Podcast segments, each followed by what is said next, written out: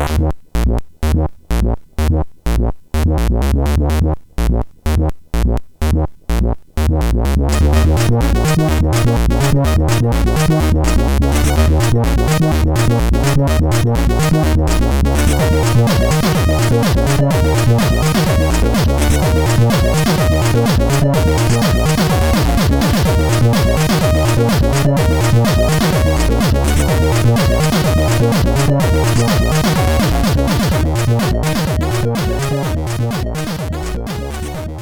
Sziasztok! Ez itt a Checkpoint 8. évadának már hetedik adása. Hello, László!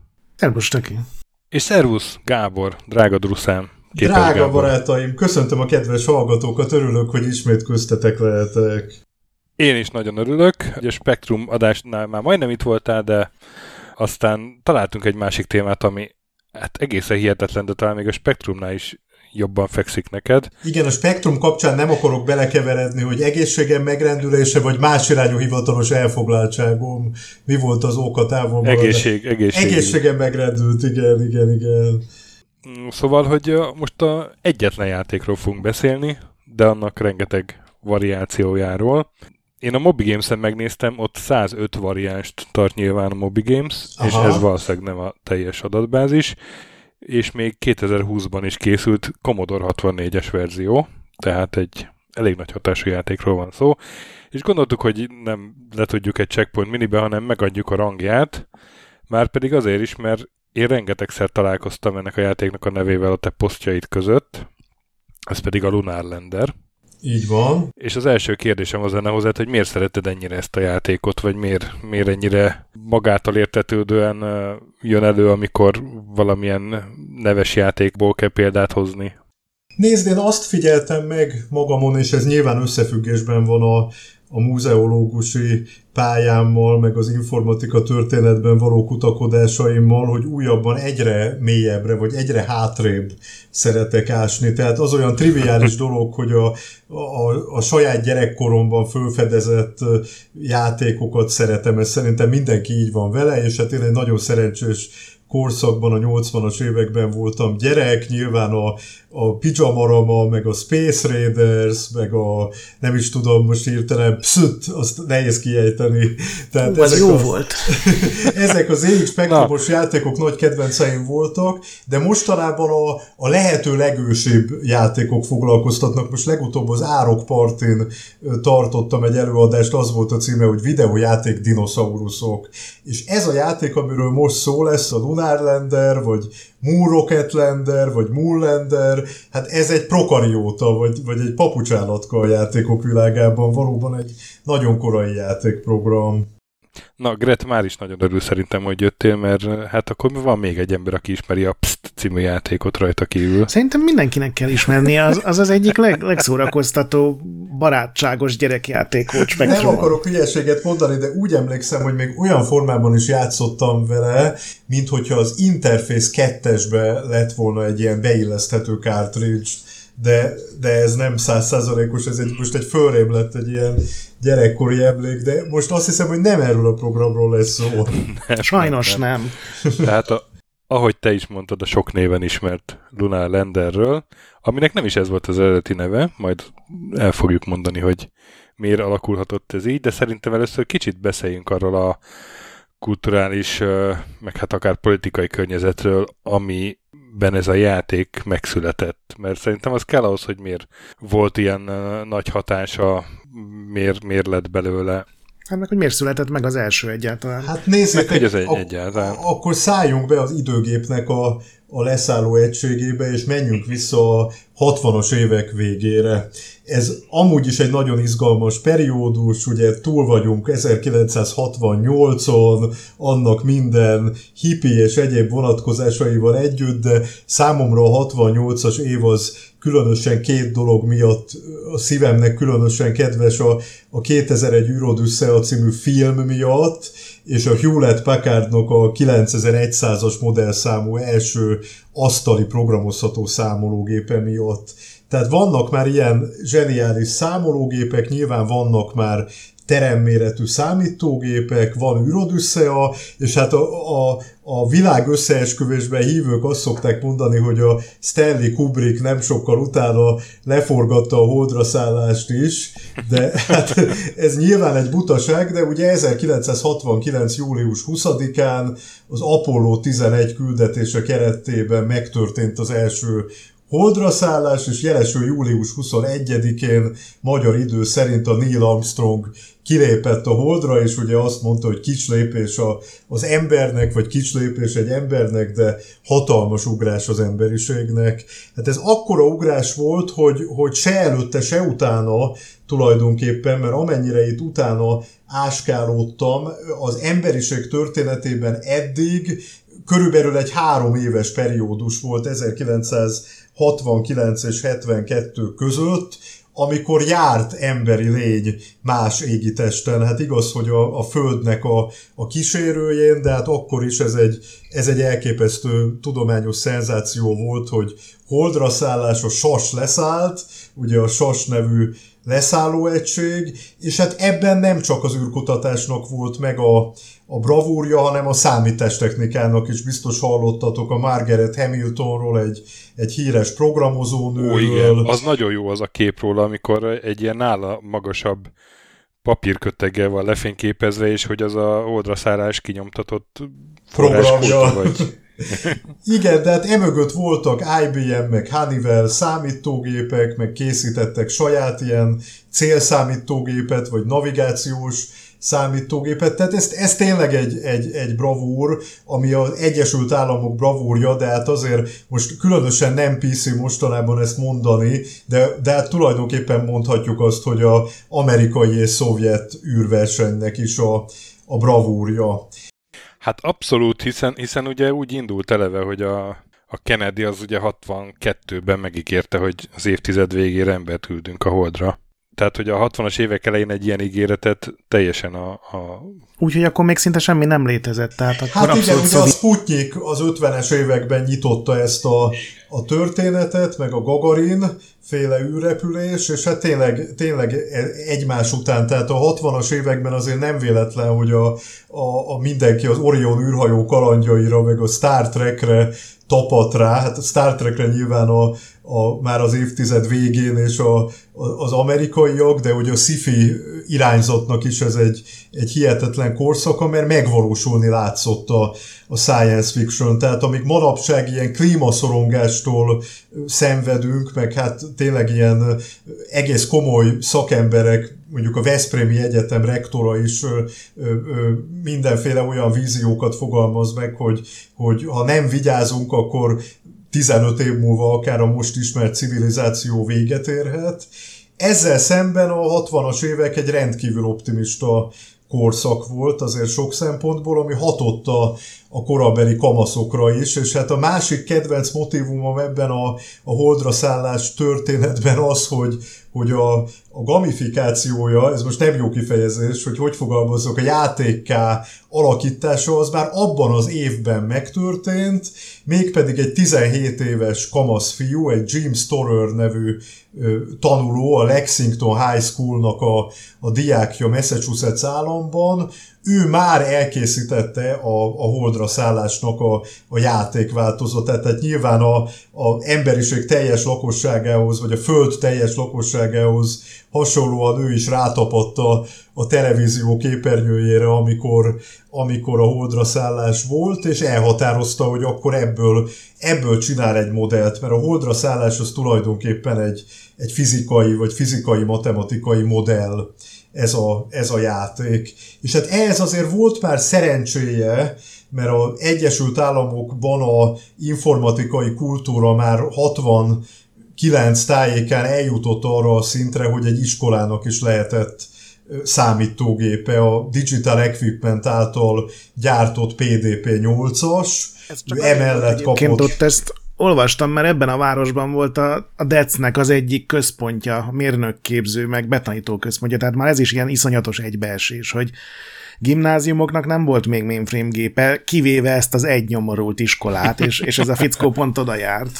Igen, ez nyilván, ez nyilván nem volt véletlen, és utána ő a Digital Equipmentnek el is juttatta ezt a, ezt a programot. Én úgy tudom, hogy ilyen teletype távgépírón írogatta meg, és hogyha jól tudom, akkor 4 kilobájt memória állt a, a rendelkezésére, és egy Fokál nevű programozási nyelven írta meg az első Lunar Landert, Lunar Landing Game-et, de, de ez azért egy picit különbözik attól, amit szerintem a kedves hallgatók alapvetően ismernek, mert van az a, a, a grafikus változat, ami olyan jellegzetes kis eagle, kis sas leszálló egység, és ott fékezget, és a fékezés hatására még mutatja is a kis lángcsóvákat, és úgy leszáll. Hát ezzel szemben ez egy, ez egy szöveges alapú játék volt, ez a Jim Storer féle verzió, ahol körönként kellett megadni, hogy mennyi üzemanyagot égetünk el, és ettől függött az, hogy becsapódunk a, a holdba, mert túl hamar elfogy az üzemanyag, vagy túl gyorsan megyünk, vagy tényleg sikerül azt a, a leszálló egységet letenni, tehát nem válunk kráterré. Igen, tehát a, a Lunar Lander, az arcade verzió, az ugye nyilván egy ilyen ügyességi játék, ez meg inkább egy, egy, nem is tudom, szinte stratégiai, hogy tervezgetni kell a... a hát ez egy fizikai puzzle, vagy kell. matek puzzle. Vagy... Aha. Engem tudod, mire emlékeztet, hogy gyerekkorotokban ti nem játszottatok uh, autóversenyt kockás papíron? Dehogy nem, Hú, dehogy de volt, nem. igen. Na, na, ugye, és, és hogy a kockás papírnak vannak, vagy a négyzetrács, bocsánat, ugye a rácsnak, a négyzethálónak csomó pontjai, és rajzoltunk egy pályát, egy autópályát a papírra, és akkor azon belül kellett maradni, és ugye egy csomó pontból indultunk, és gyakorlatilag ilyen vektorokat kellett rajzolgatni.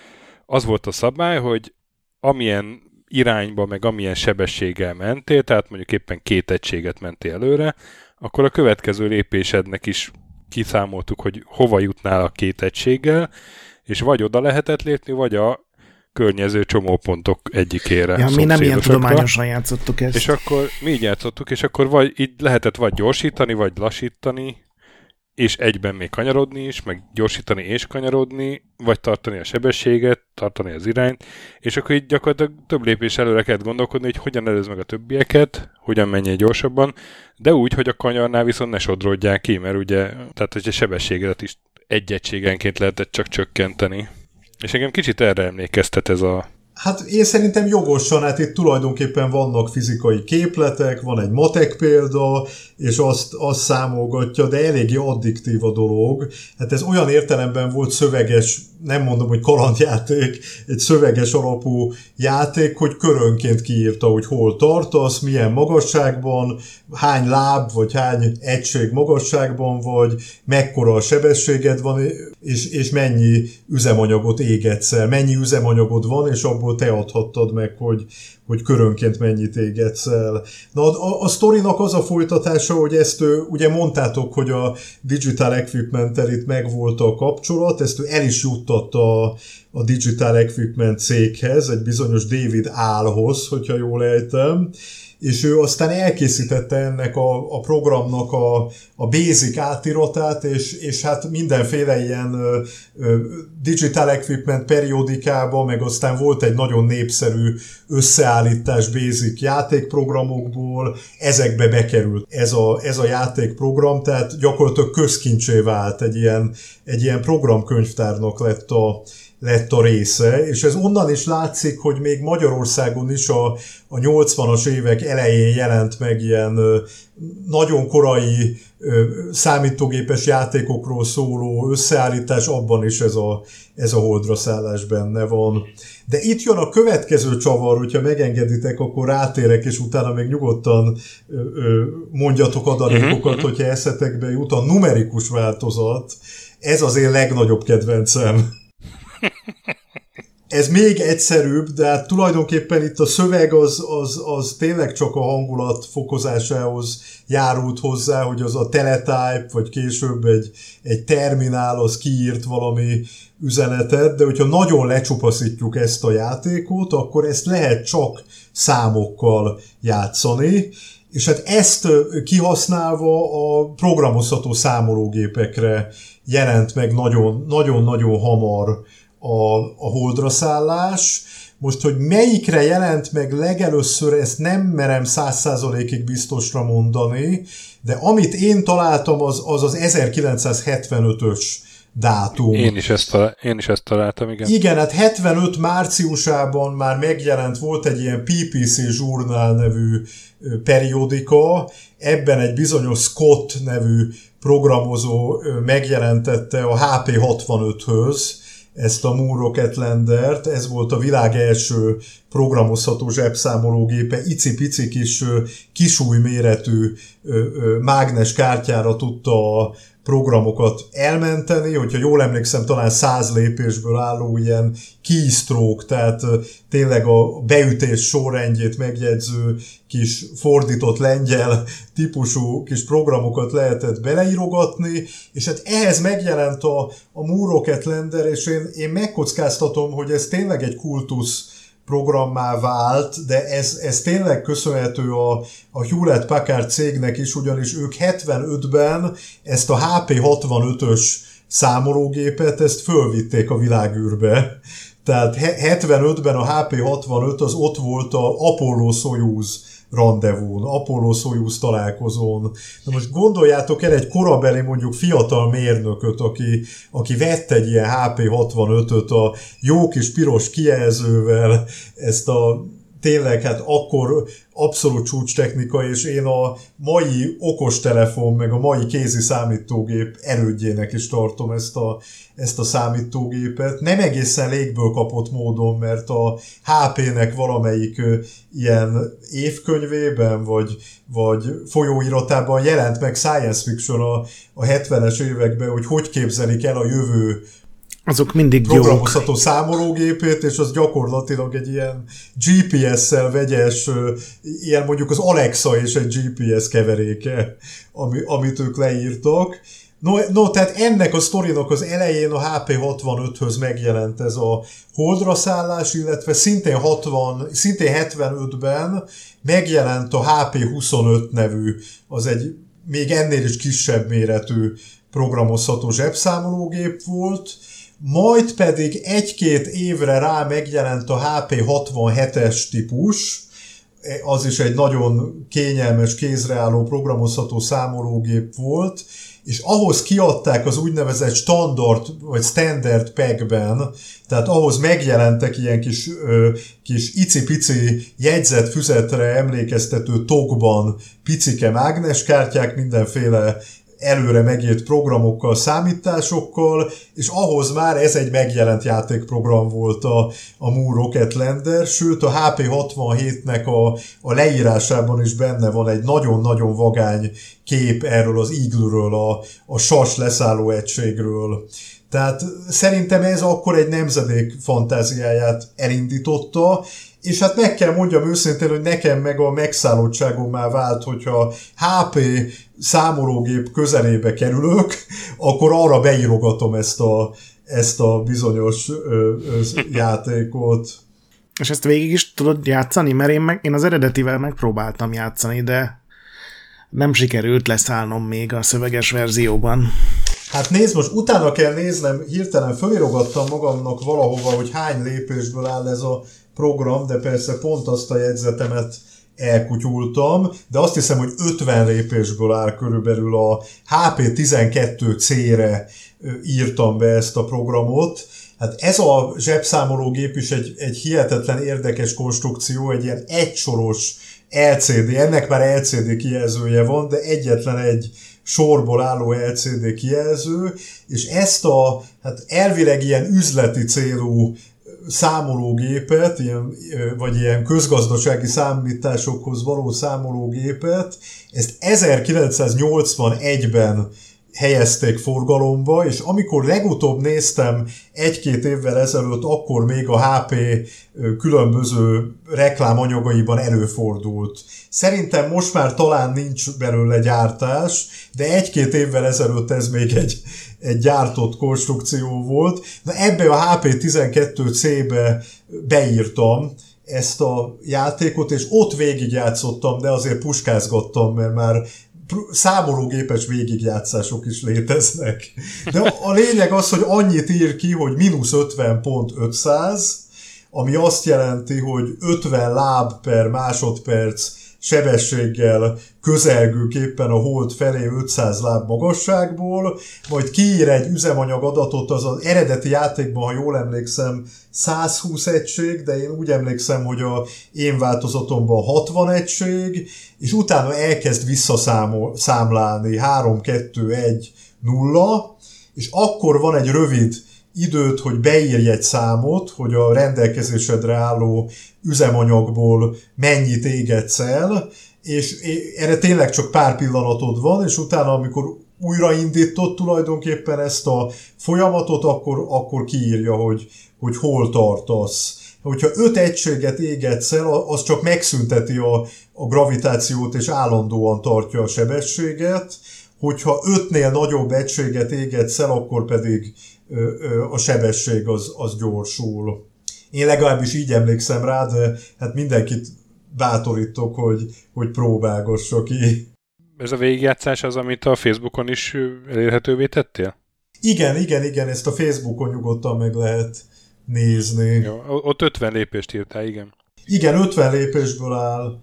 Most egy picit zavarba jöttem, hogy hogy van, mert nekem úgy logikus egyébként, de segítsetek benne, egyébként a HP Múzeum közli ennek a programnak a leírását, meg a képleteket, amin, amin alapul, de nekem úgy logikus egyébként, hogyha kevesebbet égetek, akkor azzal kevésbé fékezem, nem így van?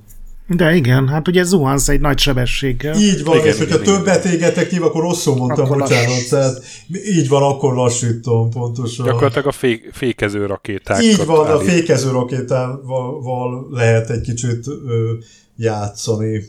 A, az első verzióhoz te tudsz még mondani valamit, Gret? Ez, ez a 69-eshez?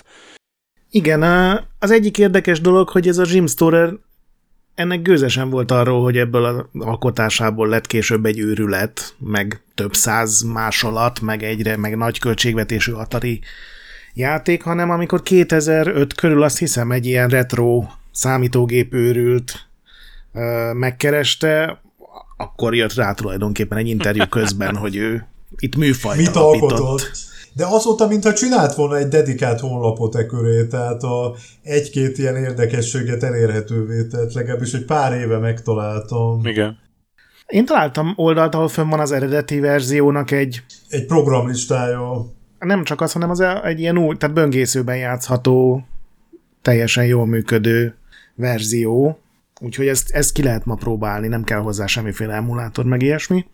Meg amit még, még olvastam róla, hogy ugye ezt, ezek 10 másodperces körök vannak, ahogy mondtad, hogy 10 másodpercenként telik az idő, és akkor kírja a gép, hogy mennyit süllyedt a hajó, mennyit változott a sebessége, meg a súlya, és ezt azért csinálták így, mert a teletype-on, a teleprinteren körülbelül 9 másodperc volt, míg kinyomtatott egy sort, és úgy vették, hogy egy másodperc beírni a számot, tehát tulajdonképpen real-time-ban játszottad, amikor ezt játszottad, csak jó, de nem real time-ban, de hogy úgy tűnt, hiszen 10 másodperc telik le pontosan, és akkor ez ilyen izgalmasabbá tette a, a dolgot is.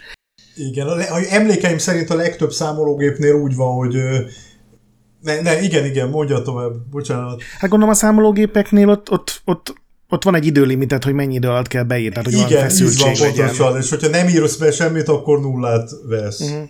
Az eredetinél még nem volt ilyen, ott, ott, ott úgy vették, hogy mindenki ilyen izzadva próbálja kiszámolni a lehető leggyorsabban, és ami nekem nagyon tetszett, egy ilyen tulajdonképpen a világ legelső easter is nevezhető, hogyha úgy akarjuk, hogy amikor abban a Igen. verzióban belezuhansz a holdba, ugye, amit én nagyon hamar elértem, akkor kiírja ugye a sebesség meg a súlyból kiszámolja, hogy milyen mély krátert ütsz, és ez szerintem egy ilyen elképesztően előremutató modern funkció, nem stöki, hogy egy hát ilyen poén?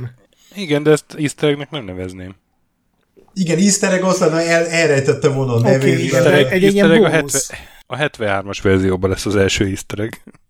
Jó, de akkor is egy ilyen plusz dolog, amit nem Aha, gondoltam, igen, hogy egy ilyen 39 programsorból álló fizikai szimulátorba így még beleraktak, úgyhogy ez szerintem tök érdekes volt. Sőt, valamelyik verzióban, ilyen valamelyik korai verzióban az is benne volt, hogy, hogy a legénységből ki, hányan élik túl. Hát, hát gondolom nem sokan. Általában senki, vagy mindenki, de, de azt hiszem olyan szenárió is volt, hogy, hogy valaki azért életben maradt még. De, de hát ő ott maradt akkor a Holdon. Hát igen. És aztán csinálhatott krumplit a trágyában. Így van. És még azt találtam meg, ugye mondtad csak, hogy nem a Lunar Lander volt ennek az első verziónak a neve. Igen, hanem Rocket. Igen. Nem, nem volt neve a játéknak, a file név volt Rocket. Ezt kiemelte a Storer ebben az interjúban, hogy ugye nyilván Igen, eszébe se jutott, hogy ebből lesz egy valami divat dolog kézen közön terjedt, és akkor hogy mindenki átnevezgette. Volt, hogy Apollo is a neve, meg Lunar modul, meg mindenféle neve volt. Igen, amit ez a David Áll csinálta, annak Lunar volt a neve. Aztán egy másik programozó, az is a, a DC-nél, vagy a Dets-nél, én csak így, így emlegetem, ő meg azt csinálta vele, hogy egy ilyen eszki grafikát rakott bele, azt nem tudom, láttad azt a verziót? Láttam, csak láttam, igen, igen. Ilyen igen. csillaggal van jelezve az űrhajó, nyilván vonalakkal van jelezve a felszín, és akkor van egy ilyen ultra minimalista, de mégiscsak ilyen grafikus ábrázolás. Én még a 73-as basic verziót emelném ki, a LEM. Ez uh-huh. a Lunar Excurse Module rövidítése. Stanislav ez... LEM szellemét érzem a háttérben elvonulni. És ez egy fontos újítást hozott, bár ez, ez még szöveges volt, nem, nem grafikus. Ja, nem, bocsánat. De az is szöveges volt. E, szöveges volt, igen. Betűkből, karakterekből összeraktak azért egy, egy hold kompot, hogy azt tud nézni, de hogy ez a játék vezette be 73-ba, hogy oldalirányba is lehetett manőverezni, mert egészen addig ugye függőlegesen süllyedt a hold komp, és csak arra kell figyelni, hogy, hogy hogy időben állj meg. Puhán, puhán érkez, puhán landolj, de, de a lembe már arra is kell figyelni, hogy, hogy ne sodródjál el a... De ezt most nem egészen értelek, Stöki, mert, mert azt én is hallottam, hogy 73-ban már elkészült egy grafikus verzió szintén. Az egy másik. Az de egy ez másik. egy másik, de akkor itt hogy, hogy van ez a scrollozás, ezt nem értem. A hajtóműveg szögét is tudod állítani. A hajtóműveg szögét ja, is értem, tudod zseniális. Egészen addig nem lehetett, igen, igen, igen. És én még visszamennék, a, hogy ugye ez egy óriási jelenség lett, visszamennék még így az adás elejére egy kicsit, hogy, hogy azért ehhez kellett az, hogy, hogy ez a holdra szállásról szóljon. Tehát, hogy ugyanaz a játék arról szól, hogy egy targoncával egy ládát Hát pont erről, tehát ez a korszellem, ami elképesztően igen, érdekes. Igen, igen. És uh, ugye te mondtad ezt, uh, Gábor, hogy ilyen nagy pozitív hangulat volt. Én egy kicsit árnyalnám ezt azért, mert a, a tehát, hogy a 60-as évek az abban azért elég sok szörnyű dolog történt, ugye merényletek, meg, meg ugye elkezdődött a vietnámi háború, vagy hát Amerika belépett a vietnámi háborúba. Persze, hát a, a beat korszak üzenetei is véletlenek, meg a hippie Persze, korszak. persze, aztán, aztán uh, ugye a hidegháborús hangulat, stb. És, uh, és akkor ugye ment az ellenkultúra, ugye Woodstock is 69-ben volt, és ez, ez az optimizmus, amit mondasz, ez valahogy a, a skifiben nagyon megjelent, meg az ilyen űrtémákban. Hát szerintem az űrkutatás volt az, ami egy kivezető út. És igen, igen, tehát hogy most a Földön ilyen, ilyen mit tudom én, azért van egy sok szenvedés, de hogy a jövő az tök jó lesz, azt lehetett érezni. Igen, és szerintem nem a, lehet érezni, az de, az egész de... kultúra egyrészt ezek körül a PDP gépek igen. körül, de a számológépek körül, meg, meg aztán az első személyi számítógépek körül az is valami hasonló, hogy részben ellenkultúra, mert mi egy kicsit benfentesek vagyunk, egy kicsit különcök vagyunk, részben meg valami optimista dolog, mert mi tudjuk, hogy milyen lesz a jövő, vagy legalábbis ábrándozunk róla. És hát ugye mondtad az űrodüsszejet, de például a David Bowie is pár nappal a holdra szállás előtt adta ki a Space Oddity-t, a, ugye a Major Tom híres számát. Tehát, hogy a, tehát, hogy a kultúrában ez, ez akkor tökre benne volt, hogy a, a, azzal, hogy elmegyünk más világokra, vagy, vagy csak a holdig, azzal valamit kezdjünk, szóval a Jim Storer-nek ez lett a játékának a témája, szerintem abszolút így a korszellemből jött, és az is, hogy aztán ez nagyon sikeres lett. Igen. Igen, hát ő az Apollo 12 megjelenésére akarta megírni, de azt hiszem, ez pár nappal lekéste, hogy elkészüljön, az ugye novemberben volt. És amit szerintem még nem mondtunk, hogy, hogy volt az a szerintem iszonyatosan bátor dolog, hogy élőbe közvetítették ezt ugye gyakorlatilag így világszerte. És... Magát a oldra ja, igen, igen. Azt jól tudom, hogy az Arthur C. Clarke is benne volt a, a közvetítésben, vagy, vagy azt csak álmodtam? Hát én most néztem elég sokat, mert teljesen belelkesedtem a téma miatt, úgyhogy egy csomó YouTube videót megnéztem, ott nem láttam, de hát ettől még persze lehet, hogy rosszul tudom, de minden esetre ő is ott lelkesedett a háttérben, abban biztos vagyok. És ugye amikor volt ez a, hogy leugrott a holdra, azt is direkt úgy csinálták meg, hogy amikor lenyitja a kis létrát, amin ugye lemászik, az aktivál egy, tehát egy kamerát is lenyitott vele, ami pont oda volt irányítva, tehát ilyen, ezt teljesen piára találták ki, de szerintem azért ehhez kellett bátorság, hogy egy élőben egy korábban nyilván sosem tesztelt dolgot, vagy hát élesben sosem kipróbált dolgot kell csinálni, és ugye azért elég meredek volt az a leszállás mindenféle ilyen ismeretlen programhibákkal, amire Houston azt mondta nekik, hogy á, szarjatok rá, az nem jelent semmit, hogy villog az a 12.01-es hiba. És kód. micsoda urbán legendák terjedtek, hogy miket üzent az Armstrong úr a szomszédjának, és így ja. tovább. Tehát... Úristen. Sok szerencsét, sok szerencsét Mr. Gorski. Így van. Szerencsére ebből kimaradtam. Kimaradt? Hát, hogy a, ez a legenda, ami aztán cáfolta a Neil Armstrong, hogy a Neil Armstrongnak volt szomszédjuk, a Gorskiék, és hogy, hogy meghallotta a Neil Armstrong egyszer gyerekként, hogy férje rá akarta venni a, a Gorskinét a, nem tudom, talán orális szexre, és azt mondta, hogy majd akkor, hogyha a szomszéd gyerek a holdon sétál. és hát, hát akkor állítólag a, ugye ezt mondta Neil Armstrong a nagy lépéses mondata után, hogy és sok szerencsét Mr. Gorski, de hát ez nincsen benne a NASA hivatalos leíratban. Meg, igen. meg a Armstrong maga így száfolta ezt, tehát ez egy városi legenda. Meg szerintem nem is a szomszédjára gondolt egyébként ott most így. Valószínűleg. nem az Tehát ilyen 800-as pulzussal, amikor ott így leugrott. De igen, ez egy nagyon bátor dolog volt közvetíteni. Hát már csak úgy is, hogy egy-két évvel korábban már még egyáltalán nem lehetett sejteni, hogy ez, ez működni fog, csak hogy a kapcsolódó képtelen krónika adást ide kössem, amit nagyon remélek, hogy megvágok, mire ez az adás kimegy. Igen, meg hát ugye a szovjetek nyertek minden ilyen párbajt, ez volt az utolsó esély, a legnagyobb próba, úgyhogy végül sikerült, de szóval ez a Jim Storer is ugye élőben nézte a a, a leszállás, meg majd később fogunk beszélni egy Rich Moore nevű kölökről, aki a Polaroid kamerájával még a, a tévét is lefényképezte abban a pillanatban, amikor a Neil Armstrong lelépett a holdra, és ő is építgette szorgalmasan. Ezeket tudod, azonnal megjelentek ilyen műanyag építő készletek, meg minden, úgyhogy ez egész Amerikát, amíg tartott az Apollo program, az a három-négy év volt talán, amíg, amíg ezek így mentek, Nálam lassan cseng le ez a kultusz, mert én tavaly a születésnapomra a családomtól egy, egy ilyen leszálló egységet kértem Legóból. és azt rakosgattam össze több óra munkával. Gret, és a, az első játék, aminek Lunar Lander volt a neve, azt láttad? Azt megtaláltad? Igen. Én legalábbis hát találtam egyet, ahol valaki azt mondta, hogy az az első Lunar Lander.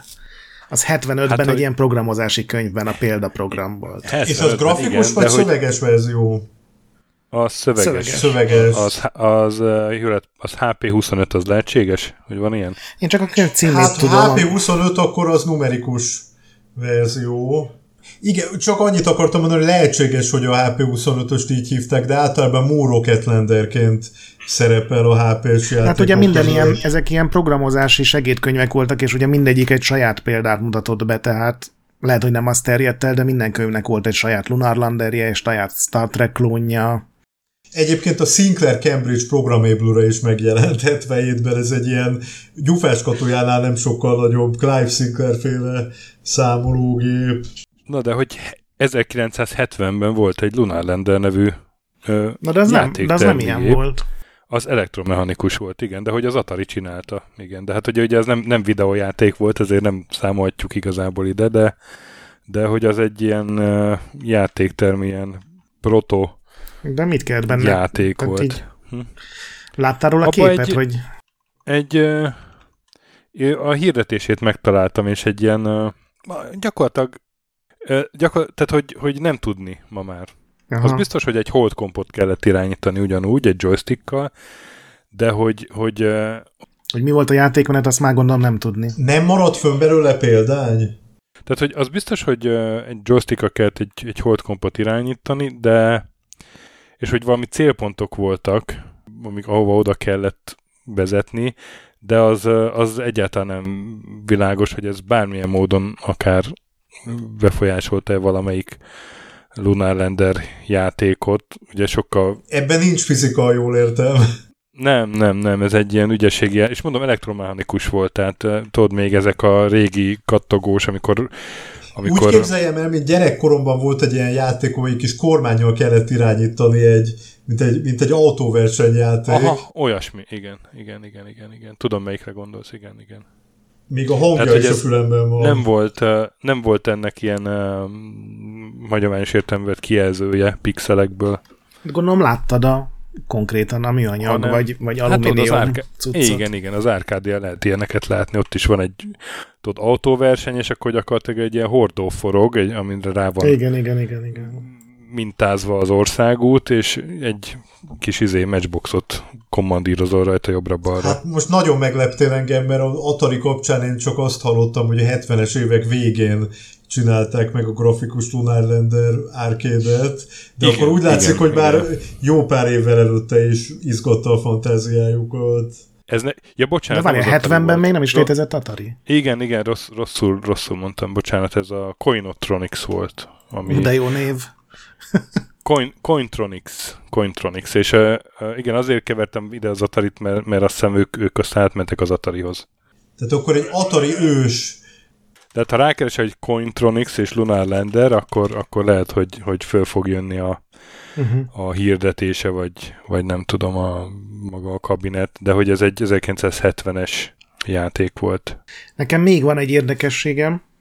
A Gábor mondta, hogy ahogy ezt a, ez a David Áll nevű fickó, ez berakta egy ilyen 101 Basic játék című népszerű programozói könyvbe, és gyakorlatilag ezzel terjedt el ott rögtön három verziót, és egyébként ultra tisztességesen leírta, hogy az elsőt egy Jim Storer nevű gimnazista csinálta, és aztán ő csak átért a Basicre tulajdonképpen, tehát ilyen ultra korrekt módon járt el, és ez volt az első számtek témájú könyv, ami tízezer példányban fogyott, ez 73 volt, és aztán megcsinálta ennek a második kiadását, ami teljesen más volt, bár abban is szerepelt a saját basic verziója, ez 78-ban jelent meg, és ez volt az első számtek témájú könyv, ami egy millió példányban kelt el, úgyhogy ez megmutatja, hogy, hogy azért a 70-es években iszonyatos tempóban növekedett ez az egész számítástechnika, meg számítógépek.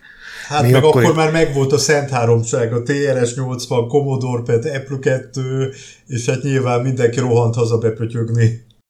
Igen, és, és azért szerintem nagyon durva, hogy öt év alatt a, a, a tízezer a rekordból az egy millió a rekordig eljutottunk. Tehát ez, ez engem nagyon meglepett. És töké, akkor te mondd a 73-as másik játékot. A 73-as másik, igen, ez a Hát ez, itt rövidítsük már Decnek ezt a céget, amit... Érdekes, hogy Decknek szoktam, de mindegy. Digital. Digital, ja. Szóval, hogy a Dec vagy Deck 73-ban uh, er, er, gyakorlatilag elrendelte egy, egy Lunar Landernek a fejlesztését, mert az új DEC GT40-es grafikus terminál képességeit akarták demózni valahogy, és hát hivatalosan fejlesztettek egy játékot. Ennek Moonlander volt a címe. Jack Burns és Jack Burns nevű fickó fejlesztette, és tehát 73-ban járunk, ez az első valóban grafikus Lunar Lander. Igen, ezek és a... ez, az a já- ez az a játék, ami ilyen, ilyen uh, teljes tévhiteket döntött meg bennem. Mind. Egyébként. Hát, hogy ugye él a fejedben ilyen, hogy az első, mit tudom én, easter egg, az első Ja, igen, igen, igen. Tehát ilyen, ilyen úttörő játékok, és hogy, hogy ez egy csomó dolgokban korábbi a többinél. Tehát én például az easter egg azt hittem, hogy a, a teljes Ready Player van erre épül. Az Adventure? Hogy az, vagy, hogy az Adventure, ugye az 79-es játék, de nem, ez egy 73-as játék, és egy tökéletes easter van benne, van egy ilyen titokzatos tárgya hold felszínén, és hogyha elég közel randolsz hozzá tökéletesen, akkor abból egy McDonald's lesz. és, és jön egy üzenet, hogy két sajtburgert és egy Big Mac-et kérek. Mert nem, kell, egy... nem kell mellette landolni, föl is robbanthatod, ha neki mész. Hát igen, csak akkor meghalsz, akkor nem jön ki az üzenet, hogy... De, de a programozó igen. neve nincsen elrejtve benne. Vagy az is el van, hogy az, két, az, az nincs. Két hamburgert Burness úrnak. az, az szerintem nincsen elrejtve benne, igen. Vagy hogy például ez volt az első olyan játék, ami több perspektívát használt. Ugye egy, egy ilyen távolabbi nézeten látjuk a, a Old Compot.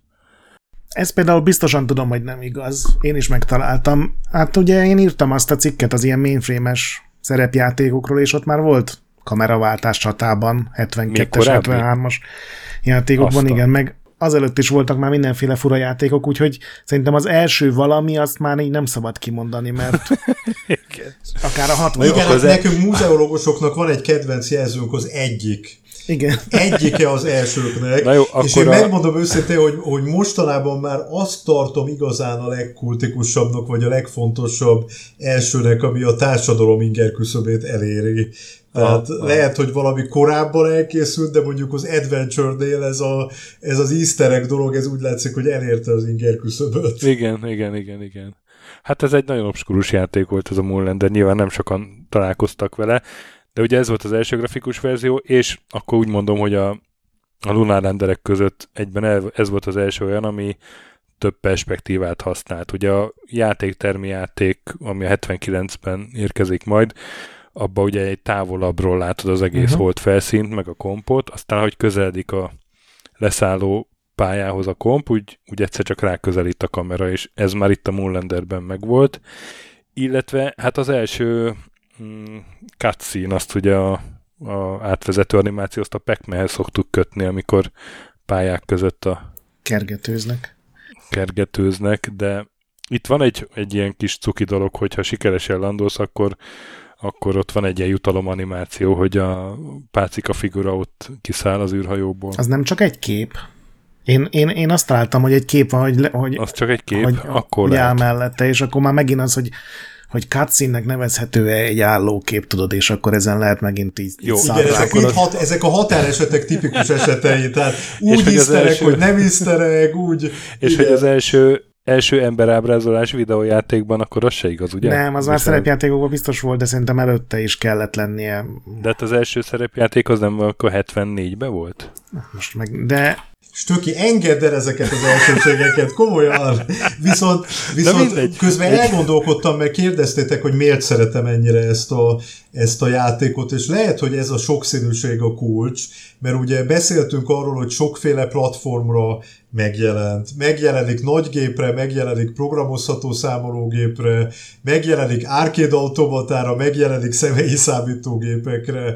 Sokféle variánsa van, megjelenik numerikusan, megjelenik szövegesen, megjelenik grafikusan, és szerintem ez a sokszínűsége, ez borzasztó nagy előnye volt ennek a, a játéknak akkor, amikor ez az egész otthoni számítógép, vagy személyi számítógép kultúra elkezdődött a 70-es évek második felén, mert részben a programozók tudásának függvényében, részben meg az adott gépnek a tudásának függvényében ki lehetett választani, hogy milyen Moonlandert írjál arra a platformra.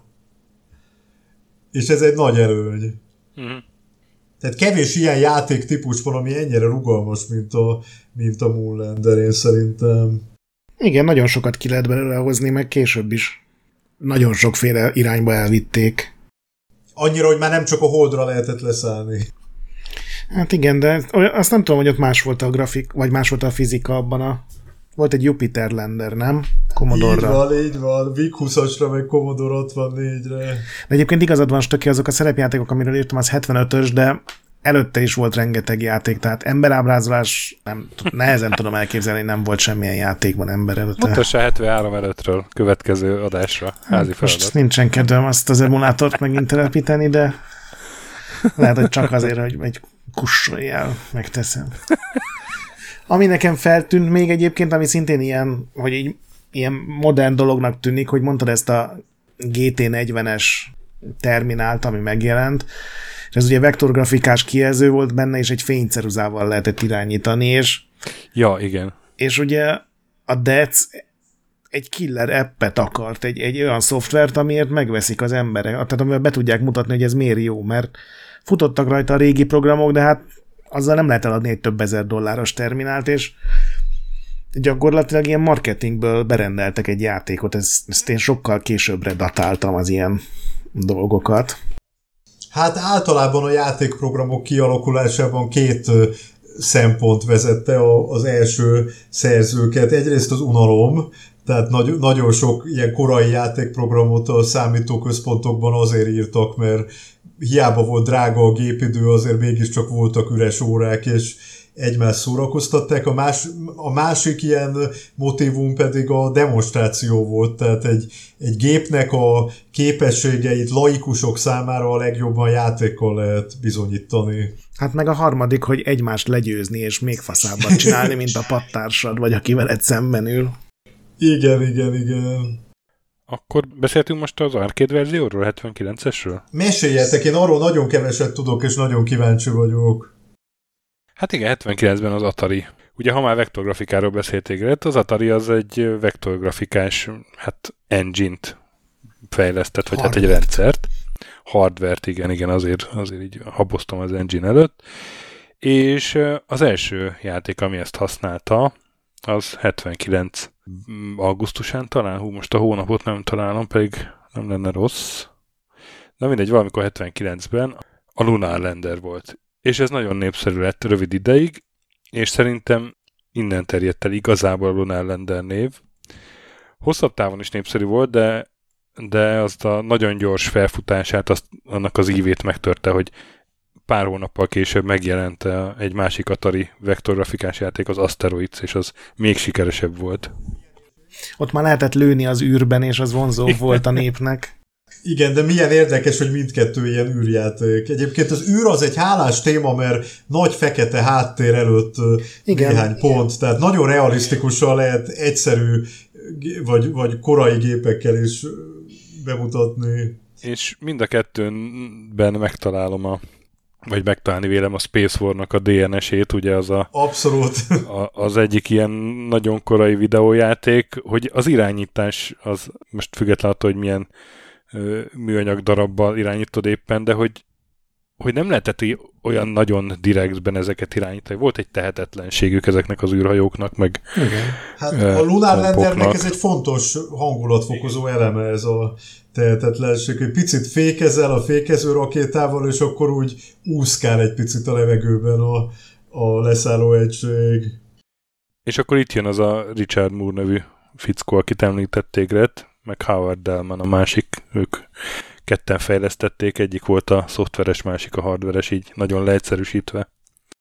Igen, és, és hogy azt mondom, hogy Rich Moore az teljesen ilyen holdra szállásmániás volt, onnantól kezdve, hogy, hogy ugye megnézte a tévében, de tényleg így ezzel telt a tinikora, hogy építette a különböző modelleket. A Howard Delman pedig játszotta egyetemén a szöveges, valamelyik szöveges verzióval, és az Atari központ mellett, vagy hát viszonylag közel volt a NASA-nak egy kutatóállomás, ez az Ames kutatóbázis volt, és oda egy csomószor elment ilyen szervezett túrára, mert hát ő is ilyen, ugye a Star Wars után vagyunk, az 77, tehát mindenki teljes ilyen science fiction, űr, űrhajólázban égett, és ott ugye ki volt állítva egy, ez a 73-as grafikus zöld grafikás terminálos verzió, és ez teljesen nyíltan mondja, hogy hát valószínűleg onnan vette az ötletet, de mivel azóta nagyon sok sört megívott, már nem emlékszik rá pontosan, hogy előbb volt-e meg a Lunar Lander ötlete, és utána mentek el megnézni a, a názát, vagy ez fordítva történt, úgyhogy erre így nincsen válasz. Eddig nem mindegy.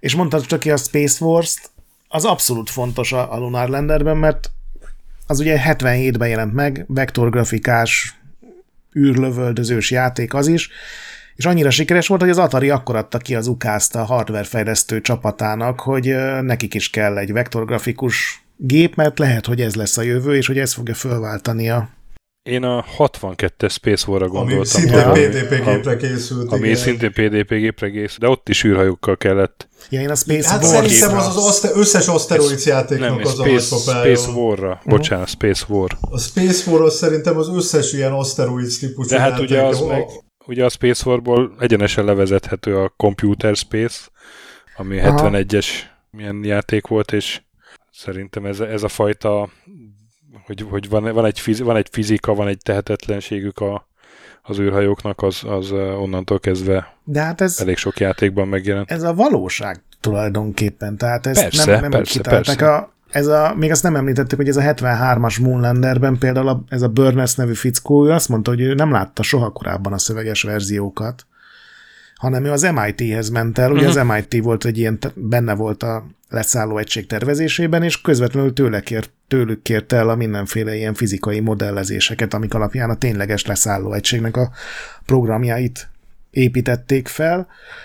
És az is ugyanilyen volt, hogyha beállítottad a fényceruzával, hogy kicsit oldalra forduljanak a fúvókák, akkor, akkor abban is volt egy ilyen tehetetlenség, ugye, ahogy a valóságban. Na, persze, persze, csak jó, ott van például a Space Invaders, ahol meg addig megy jobbra az űrhajó, amíg jobbra nyomod a gombot, és addig megy balra, amíg balra nyomod, és utána megáll. Igen, hát arra elég hamar rájöttek a játéktermékészítők, hogy, hogy a, a realizmus nem sokan szeretik ha belegondoltok, a Lunar Lander ilyen szempontból is realisztikus, de a, hogy így fogalmazzak, a cselekményét illetően is, tehát még a, a játékok jó része az, az fiktív környezetben játszódik, főleg az ilyen űrjátékok, hogy nem tudom, milyen űrlényeket kell, vagy ellenséges űrhajókat levadászni, addig a Lunar Lander az tulajdonképpen egy szimulátor, és egy, egy, egy meglévő technikán alapul, és annak a fizikai modelljén alapul. Tehát ilyen szempontból, most ez kicsit paradox, de a kicsit földhöz ragadtabb emberek számára is közel álló lehetett. Szerintem ez azért van, mert az elején nem voltak videójáték designerek, hanem mérnökök voltak, és a mérnök az egyenleteket ismer, meg azokat a szabályokat, amik ugye irányítják, teszem azt a leszálló egységet, és egyszerűen arról csinált játékot, amit ismert. Még a, ugye ez a, a, a legelső verzióban, amit ez a Storer csinált, neki is az apja mérnök volt, a számítógépét felügyelős tanár az fizika tanár volt, és ők segítettek neki az egyenletekben. Tehát szerintem ez ilyen szempontból viszonylag logikus, hogy, hogy ők így mi másról csináltak volna a játékot, érted? Aki imádott sakkozni, az csinált egy sakprogramot, akit ez az űr érdekel, az meg megpróbálta minél jobban lemodellezni. Pontosan. Tulajdonképpen az a meglepő, hogy ebből egy játszható és élvezetes játék lett, annak ellenére, hogy egy nagyon durva szimulátor. Az a vicc, hogy még a numerikus verzió is addiktív. Tehát ahogy visszaszámlál a képernyőn, és akkor érzed, hogy hú, most valamit cselekedned kell, mert hát különben becsapódsz, és kráter leszel, ez, ez, ez egyfajta addikció, tehát hihetetlen, hogy a, a lehető legegyszerűbb formában is működik, mint játék. Igen.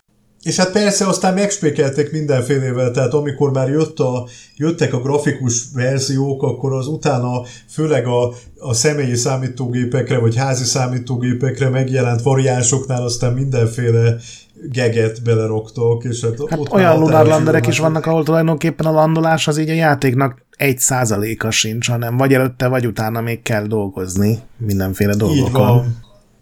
Azt olvastam még erről a 79-es tényleg híres atari verzióról, hogy ugye ez a Delman nevű fickó felelt a hardwareért, és a Moore pedig a szoftverért, és teljesen eltérő irányból jöttek. Ugye a Moore az ő is mérnök volt, de ő, ő inkább ilyen szoftveres irányba ment el, a Delman viszont ez a hagyományos hardware mérnök, az Asteroidsnak is segített összeraknia. Ez egy jó páros. Végén, és az a Delman, ez az extrém realizmusért kampányolt mindig, amikor tudod szóba került valami döntés, hogy mit tudom én, mennyire legyen realisztikus a fizika, vagy hogy legyen kialakítva a a terület, ahová le kell érkezni, a Moore pedig az élvezhetőség mellett, és végül annyira nem tudtak kiegyezni, hogy csináltak négy eltérő nehézségi szintet, a Delmannak ott volt ez a Commander mód, amit én újabb interjúkban már ő is elmondja, hogy jó, hát azzal már 20 éve ő se tudott leszállni, akkor még sikerült neki.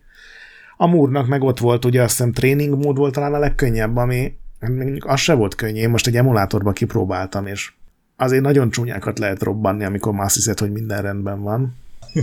és az, az irányítás, azt nem tudom, hogy, hogy emulálja az emulátor, hogy, hogy egy ilyen karral lehetett ráadni a gázt a rakétákra, és azt nem tudom, olvastad, hogy annak tíz állása volt. Atya úristen! Nekem az ilyen vonat irányi, vagy vonat, nem is tudom, hogy gázpedál, vagy Aha. azok jutottak eszembe. Tíz szintje volt, ami azon túl, hogy finomította a játékmenetet, a, valahogy a, a hibázási lehetőségeket is megnövelte. Mert ha mondjuk csak kettőre kéne gáztanod, de sikerül háromra, akkor már elrontottad. Ne is mondjátok, én már 1990 utáni játékokkal már azért nem szeretek játszani, mert túl sokféle kontrollt kell belevinni. Nekem ebben a kontrollerben azt tetszett legjobban, hogy igazából nyolcállásos, de túltolhatod. Raktak rá egy ilyen kemény gumit. Azért ezt túltolták két... rendesen. Én kemény gumi volt mind a két részén, de hogyha nagyon erősen megtoltad, akkor érzékelte egy erősebb ö, gázadásként. Tehát akkor így, így még több üzemanyagot égetett el, aminek nem hiszem, hogy volt haszna akkor már, amikor zuhantál, de... Na és ugye az, az üzemanyag az jó, hogy mondod, mert ugye az üzemanyag ott vetted meg gyakorlatilag a bedobott negyed dollárossal. Igen, ez ilyen tiszta mikrotranszakció. És, és ha így vehettél még több üzemanyagot. És ha sikerült jól landolnod, akkor valamennyi kevés üzemanyagot kaptál, de azért nem olyan sokat, hogy ne kelljen nem sokára bedobnod egy negyed dollárost. És még azt tetszett, hogy voltak ötleteik, amik aztán nem kerültek be a játékba, mert, mert a hardware, szoftver korlátok nem tették lehetővé, de az egyik olyan, olyan ötlet az volt, hogy legyen egy kráter, ahol így so, elkezdenek szépen gyűlni a sikertelen játékosok holdkompjai. Igen, csak nem fér be a memóriába, hogy a korábbi balesetek ott maradjanak. Egy ilyen holdkomp temető. Meg még azt olvastam itt, hogy, ma, hogy majdnem így a holdraszás tizedik évfordulójára jöttek ki, de egyszer nem használták ki ezt a marketing kampányba, nem jutott eszükbe, vagy nem tudom miért. Pedig az ilyen Atari is lett volna, ők szerettek mindenféle marketinget. Mm-hmm. Én azt láttam még, hogy 80-ban az Atari levédette a szerzői jogi hivatalban Amerikában az első két videójátékot, és a Lunar Lander az csak az ABC sorrend miatt lett így a második játék a világon, amit levédettek, és utólag ez a Burns, aki ugye a Moonlander csinálta 73-ban, ő mondta el, hogy igazából le akarták védetni a játékdizájnt és a játékmenetet is, de valahogy a ez a hivatal megkereste ezt a burns és kiderült, hogy azt úgy lopták, tehát azt nem kéne így levédetni, és ez egy ilyen fontos lépés volt abban, hogy a szoftvereknél ugye ne lehessen levédetni a tényleges dizájnt, a játékmenetnek a dolgait, hanem csak megvalósításokat, ugye, konkrét megvalósításokat, és ez szerintem egy tök érdekes dolog, hogy már itt az elején próbáltak így, hát, trükközni. Na, mi a, mi a következő, amiről beszélünk? Hát uh, talán az otthoni számítógépes. Klón. Ja, hát a többi klón, igen. Ugye elkezdtek aztán otthoni számítógépeken, meg konzolokon is megjelenni ezek. Uh, és hát nem is tudom, itt már olyan nagyon jelentős újítások nem sok lesz, de mondjuk a Jupiter Lander-t említsük meg 81-ből. De ezzel játszottál, Gábor? Vagy ez túl új játék neked? A Jupiter Lander? Igen. Nem, azért az nem Azt túl új. Előtti az a játszani. Nem lehet mondani, csak hát ugye én Sinclair-es voltam, úgyhogy csak utólag aha. játszottam, tehát már a aha, későbbi időkben megnézegettem a VIC 20 verziót is, meg a C64 Igen. verziót is, és ilyen jó nagyméretű rakéta van benne, és hát jó pofának színes, nagyon színes, hangulatos játéknak találtam. Igen, igen. Hát ugye a C61 előtt megjelent ugye VIC 20-ra, hogy mondod, és aztán viszont 82-ben, tehát nagyon uh, korán kijött C64-re. Az egyik honlapon még azt is találtam, konkrétan azt állítják, hogy ez volt az első Commodore 64 játék, de én ilyet már nem merek elhinni. Szerintem nem volt olyan, hogy első, mert biztos egy csomó megjelent a géppel együtt, ja, nem? valószínűleg egy, egy kupacba, igen. De hogy 82, az tényleg a 82. augusztus a Commodore 64 premierje, most lesz 40 éves, és Készültök? hát még abban az évben ki. Hát én cikkel mindenképpen készülök, Aha. de nem tudom, adásban nem, még nem gondolkodtunk, de végül is készületünk Ne legyünk olyan hülyék, mint az Atari, hogy nem lovagolunk meg valamilyen nagy évfordulót stöké. Igen, csak már volt C64 adás. Majd megfogjuk más oldalról. Én még ezzel a verzióval azt találtam, hogy, hogy ezt Japánban készült a Commodore Japán igen, stúdiójának a megbízásából, és ez a HAL Laboratory készítette, ami később a Nintendo-nak a Hitoshi Suzuki készítette, igen. A... Magyarul Suzuki Hitoshi. Nincs egy magyarul, ez egy japán ember. Vagy japán nevek átírása magyarra, sajnálom. Tagadom. De menjünk tovább. Nekem még a, a nevek tetszettek, ugye a King Kong után is rendkívül szórakoztató összeszedni az összes verziót, és itt is a Lunar Rescue, Jupiter Lander, Rocket Lander, Apollo 11, Mars Lander, Lander, mi van még, Tranquility Base. Az Ulander is ekkor volt, nem? És töki többet pont ezt vártam.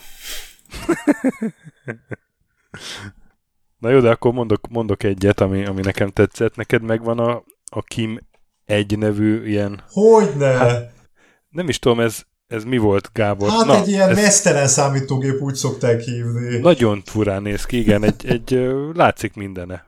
egy, egy, olyan, mint egy alaplapra valaki Sőt, nekem van egy, egy sok számítógépem, mert az a másik gyengém a, a sok számítógépem, sok számítógépek, egy Commodore Chessmate, és tulajdonképpen az is a kimegyen alapul. De hát az eredeti kimegy, az, ha jól emlékszem, akkor egy ilyen hexadecimális billentyűzete van, kis lehet kijelző, és hát az alaplapon van rajta az egész gép. Aha. De ez, ez olyasmi volt, mint mostanában a Raspberry Pi, csak számológépben? Hát hogy... azoknak a, az elődje, igen. A, a Sinclairék is csinálták az MK14, tehát akkor ez divat volt a processzoros technika. Kimegyre is kijött 77-ben a Lunar, és amikor mindenki Lunar lenderezett, meg Moonlander, meg, meg ilyen fantáziátlan nevekkel jöttek, ugye 70-es években még, akkor a Kimegy verzió neve az volt, hogy Kim Goes to the Moon. Tök jó. Miközben, tehát még egyszer egy számológépes játékról beszélünk. Hát a kimegy, igen, az ilyen átmenet, az tulajdonképpen már számítógép. Ez tényleg kijött, vagy ez ilyen begépelős dolog volt? Tehát, hogy ez megjelent fizetős termékként? Ja. Hát szerintem ez begépelős volt. Mert a begépelésökkel együtt szerintem a Moby Gamesnek az a 120 vagy mennyi klónt mondtál, annak a többszöröse lehet.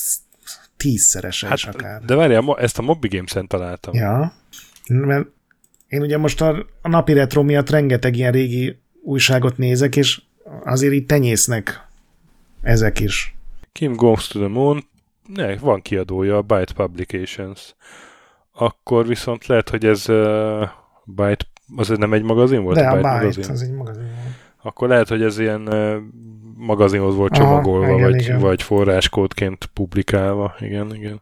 Igen, és akkor az EX Spectrum hát több verzió volt, de volt egy verzió, aminek Apollo 11 volt a neve. Én egy másikat Én találtam meg, egy Rescue Lander nevű verziót. Rescue Lander, aha. Én az Apollo 11-el annól játszottam, és emlékszem, hogy így egyszerűen nem értettem, hogy ez mi az Isten, ez a, a, már ugye láttam pár ilyen upot, hogy így lehet repülni és lövöldözni, és egyszerűen nem találtam meg a gombot, amivel lehet lőni, és mindig lezuhantam, és rohadt ideges lettem, hogy én, mi ez a hülyeség, ez, ez nem kell a kis Gretnek, így nem tudom, négy évesen öt, gözöm sem volt róla, hogy ez mi akar lenni, hogy van olyan, hogy szimulátor, meg, meg hogy leszálló egység, meg minden, de így a képek alapján teljesen visszajött a, az egykori düh. Én célt van egyen játszottam először, de, de szerintem nem a, a simán Lender nevű verzióval, amiben ilyen barlangrendszerbe kellett már bekavarni egy, egy holdkompal, tudod? Ú, és nem úgy csak... kell... Uh. Ja, igen, az igen. melyik igen, verzió igen. volt, én egyszerűen nem tudom fölidézni gyerekkoromból, ahol pontosan ilyen barlangrendszerekbe lehetett a leszálló egységgel lemenni, és amikor sikerült valamelyik leszálló pályához közel kerülnöd, akkor átalakult egy ilyen lövöldözős játékká. Valószínűleg több Jézusom. ilyen is lehetett, de én valami ilyesmivel játszottam először, de ez egy ilyen félig meddig tudatalatti emlék. Most megnéztem ennek a lendernek a screenshotjait, és ez nekem is így beindított, hogy ezt én minimum láttam annó. ez a zöld pálya, meg a lila űrhajó. Úgy néz ki, mint az UK, csak a... Most, hogy így beszélünk róla, az UK is egyébként egy Lunar Lander klón, csak átrakva más környezetbe. Hát igen. igen Ez nagyon a... szélesen értelmezve a műfaj.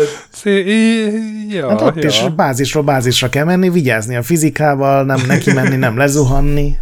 Akkor az egész élet egy Lunar Lander. Ne, ne, nem szabad lezuhanni a mélybe. Vigyázni kell a fizikával. Igen. Egyébként teljesen. Úristen. Krízisbe került az életem egy ilyen felismeréstől. De aztán tényleg így szinte minden évben volt újabb verzió, hogy nézem a listát, még Windows 3.1-re is. Hát meg grafikus volt, számológépekre is kiadták, tehát... Így van, így van, így van, és 2011-ben jött egy Six Planet nevű verzió mobilokra, az meg ilyen nagyon szép színes volt, meg, meg ilyen, igaz, ilyen iPad játékra volt optimal, iPadre volt optimalizálva, tudod. Uh-huh. Ja, abban az évben jött ki azt talán az iPad. És akkor 2015-ben jelent meg a Terralander, ez a PS4, Switch, Xbox One generációkra, uh-huh. hogy arra is legyen, és mondtam, hogy 2020-ban találtam még egy Neptune Lander nevű Neptune Lander Elite nevű C64 játékot, amiben már több pálya van, meg lehet azt hiszem gravitációt is választani, hogy melyik bolygó gravitációja legyen. Neptun? Neptune Lander Elite. Na Igen. ezzel játszanom kell. Gondolom ez összefügg azzal, hogy ez a Lunar Lander, ez így, ahogy néztem, a mai napig ilyen programozási, oktatási alapkőnek számít, hogy gondolom azért, mert a fizikai nagyon egyenletek. jó programozási feladat, igen. igen. Meg hát még kulturálisan is még ott van azért a ugye a Dig című kalandjáték 96-os talán, ott az egyik szereplőnek a PDA-ján ott van a Lunar Lander.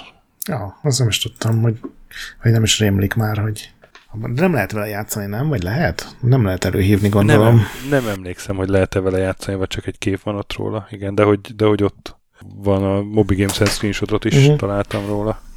95-ös a Dig, bocsánat.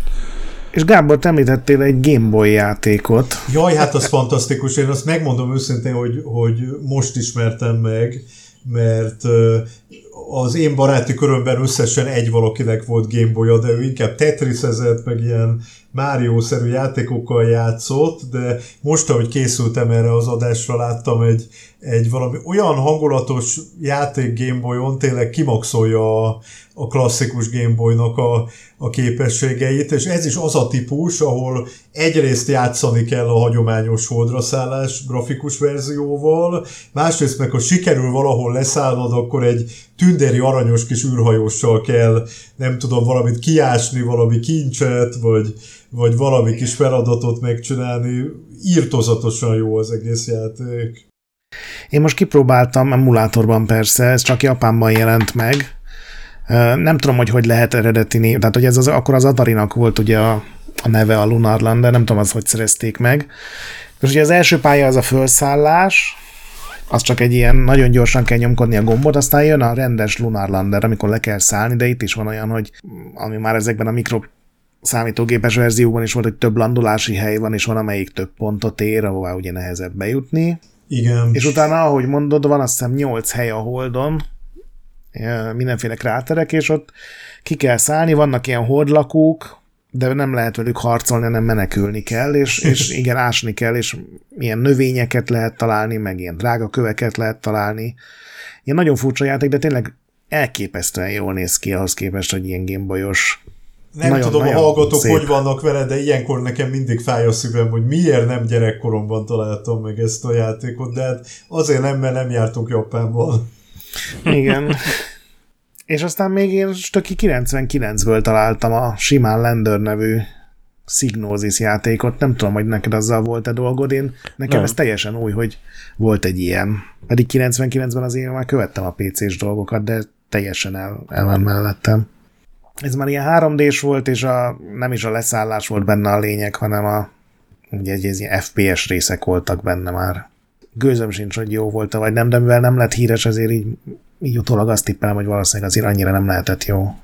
Most így nézem a screenshotokat, és ilyen szürke. A szürke nem 50 árnyalaton.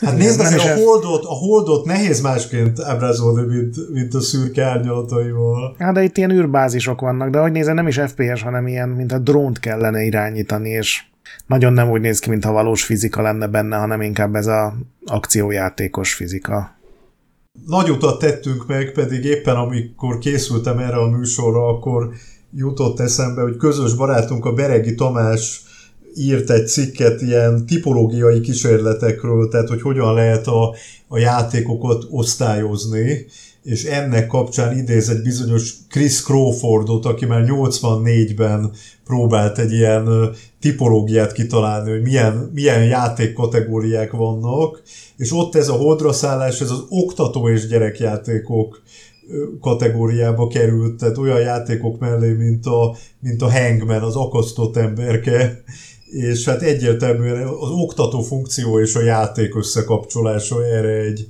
egy példa a holdra. Tehát innen indultunk, és aztán lett belőle egy ilyen nagyon nagyon vegyes, nagyon szórakoztató játéktípus. Igen, ezt olvastam, amikor ugye elküldted e-mailben, hogy mi, mi, miket találtál, és én is megpróbáltam utána nézni, hogy ezt annó vajon ezt hogy hívhatták ezt a kategóriát, és rendkívül megdöbbentő, 79-ben már az Infoworld magazinban ugye voltak ilyen cikkek, hogy milyen játékok léteznek, és a Lunar Lander egy saját műfaj volt. Hoppá! Ugyanúgy, mint pár évvel később ugye a Space Invader klónok is, meg a Donkey Kong másolatok, meg a, a Pac-Mannek szerencséje volt, mert ott labirintus játéknak lett kinevezve a műfaj, de hogy, hogy ott a Lunar Lander ez egy műfaj volt, és már ott felsoroltak néhány ilyen elsősorban begépelős játékot, ami ugye ezt csinálta, úgyhogy ez szép, hogy saját műfajt alapított egy gimnazista srác.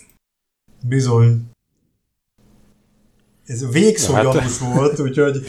Igen, igen, igen. Nem tudom, mivel lehetne ez még megfejelni.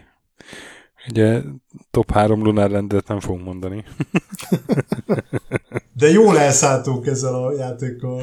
Jó, jó, hát egy és negyed óra a nyersanyag, úgyhogy szerintem elvarhatjuk itt. Kedves Gábor, nagyon szépen. Köszönjük, hogy eljöttél velünk a égi kísérőnkhöz. Köszönöm szépen, hogy veletek lehettem. Tényleg egy régi mániámat sikerült így feldolgozni, és szokás szerint megint sokat tanultam tőletek. Legközelebb a adást keresztül verjük a stökin. Jó, majd ki fogom próbálni ezt a játékot. Mi is a címe? Még soha nem hallottam. És hát akkor számítunk rád, nem tudom, majd valamikor a jövőben is. Boldogan. A... Nekem egy régi másik tervem, hogy sakkgépekről, számítógépes sakkozásról, nem tudom, volt már ilyen műsorotok? Nem. Nem, akkor, nem. akkor esetleg annak kapcsán. De sok neked csinálunk egyet. ne sértsük meg, majd, majd az adás után.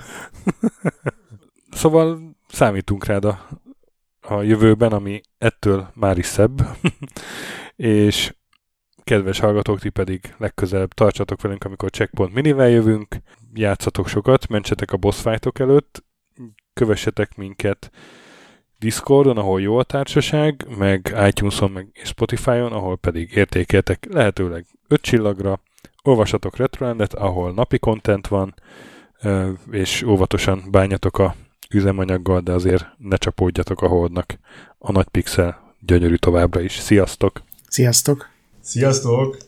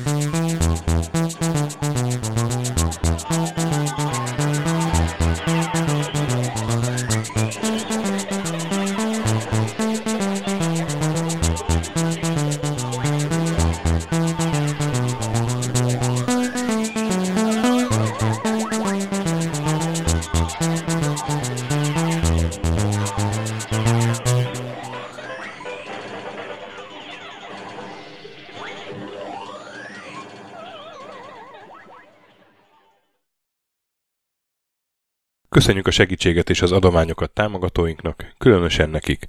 Andris 1 2 3 4 5 6, Pumukli, Bastiano Coimbra de la Coronia Iez Védó, Kis András, Dester, Joda, Kínai, Gatz, Hanan, Zsó, Takkerbá, Dancy Sweet Chickens, Gabez Mekkolis, Szarácsi Bálda Réten, Módi, Benő 23, Zorkóci, Alternistom, Retro Station, Nobit, Sogi, Siz, CVD, Tibiur, Bert, Kopescu, Krisz, Ferenc, Zsoff, Edem, Kövesi József, Varjagos, Zsiga Bálint, Loloke, Snake Hips Boy, Csépé, Márton úr, Tomek G, Flanker, Hollosi Dániel, Balázs, Zobor, Csiki, Suvap, Kertész Péter, Richard V, Nyau, Vitéz Miklós, Huszti András, Vault 51 Gamer Bar, Péter, Daev, Enisi, Csalazoli, Veszti, Makai Péter, Zsovez, Mongúz, Beranándor, Arzenik, Nagy Alexandra, Kviha, Mazi, Tryman, Magyar Kistóf, Krit 23,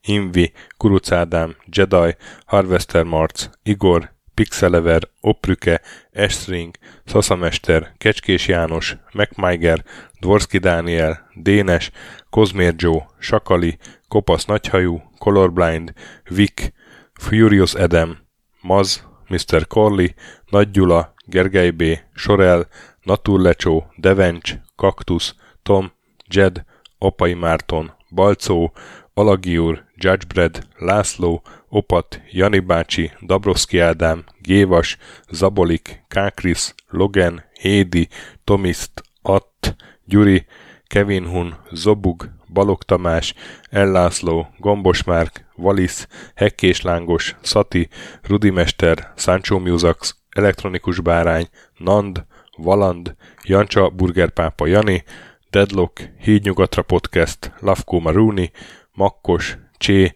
Xlábú, Simon Zsolt, Lidérc, Milanovic, Ice Down, Typhoon, Zoltanga, Laci bácsi, Dolfi, Omega Red, B. Bandor, Polis, Vanderbos parancsnok, Lámaszeme, Lámaszeme, Sötétkék, Totó, moba és ezt büszkén olvasom be, KFGK, Holdkor, Dwarf, Kemi 242, Obert Motz, Szekmen, LB, Ermint Ervin, TR Blaze, Nyek, Emelematét, Házbú, Vidra, Jaga, Tündér Béla, Adam Kreiswolf, P1 Mate, Vagonköltő, Csemnicki Péter, Német Bálint, Csabi, Mandrás, Varegab, Melkor 78, Lemon Alvarez, Csekő István, Schmidt Zoltán, Andrew Boy, Bobesz 5, Kavicsok a Margonblog, Félix, Luther, Hardy, Rozmi, Glezman, Fogtündér, Brusnicki Péter, Neld, Elgringo, Szféra Karcoló, Klisz Gábor, Q, Mentolos Kolbász, Gliscard és Albin. Nagyon szépen köszönjük!